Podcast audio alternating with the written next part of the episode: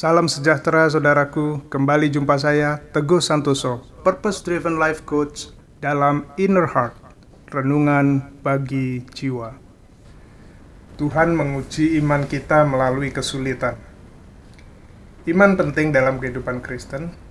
Matius 9 ayat 29, Yesus berkata, Menurut imanmu hal itu akan terjadi kepadamu.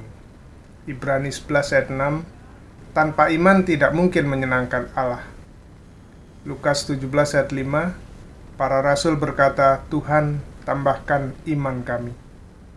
Bagaimana Allah menambahkan iman kita? Cobaan, masalah, tekanan, keadaan sulit, ini adalah fakta kehidupan.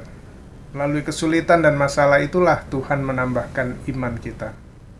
1 Petrus 1 ayat 6 sampai 7 berkata, Bergembiralah akan hal itu, Sekalipun sekarang ini kamu seketika harus berduka cita oleh berbagai-bagai pencobaan, maksud semuanya itu ialah untuk membuktikan kemurnian imanmu yang jauh lebih tinggi nilainya daripada emas yang fana yang diuji kemurniannya dengan api sehingga kamu memperoleh puji-pujian dan kemuliaan dan kehormatan pada hari Yesus Kristus menyatakan dirinya.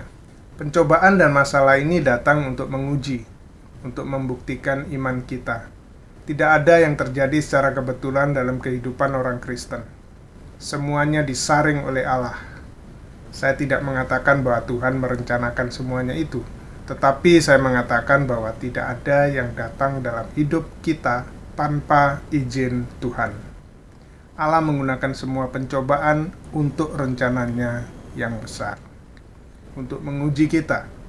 Misalnya Daud, dia memiliki masalah yaitu dikejar-kejar Saul untuk dibunuh sebelum ia menjadi raja. Kadang kita mengalami masalah besar sehingga dapat berkata, "Tidak ada yang lain harapanku kecuali Tuhan." Tuhan menggunakan kesulitan untuk menguji iman kita. Dikatakan berbagai-bagai pencobaan. Jika hidup itu mudah, itu tidak membutuhkan keyakinan apa pun, tidak membutuhkan iman jadi Tuhan menggunakan kesulitan untuk menambah iman kita. Saya membaca sebuah puisi yang ditulis oleh orang tak dikenal dengan judul Dari Kegelapan. Dari tanah yang hitam dan kotor, bunga lili putih nan indah tumbuh. Dari kelamnya awan hitam, turun salju yang putih bersih. Dari ulat yang menjalar di pepohonan, kupu-kupu indah dilahirkan. Dari kegelapan malam, akhirnya datang juga pagi yang cerah. Dari kepahitan dan kesulitan hidup, kedamaian Tuhan tercurah. Dari paku, tombak, dan salib, tersedia penebusan dan mahkota.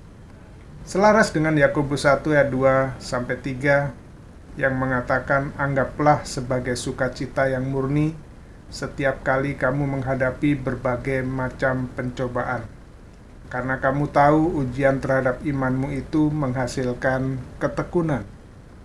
Yakobus mengatakan ketika saudara memiliki masalah, bersikaplah tenang, pertahankan sukacita, berterima kasihlah kepada Tuhan, pujilah Tuhan. Mengapa? Karena dia bersama saudara. Dia punya rencana, dia memiliki tujuan, dan dia akan menolong saudara melewatinya. Semoga renungan ini menyegarkan dan menguatkan jiwa saudara. Jika saudara diberkati, jangan lupa bagikan kepada saudara yang lain. Sampai jumpa esok hari.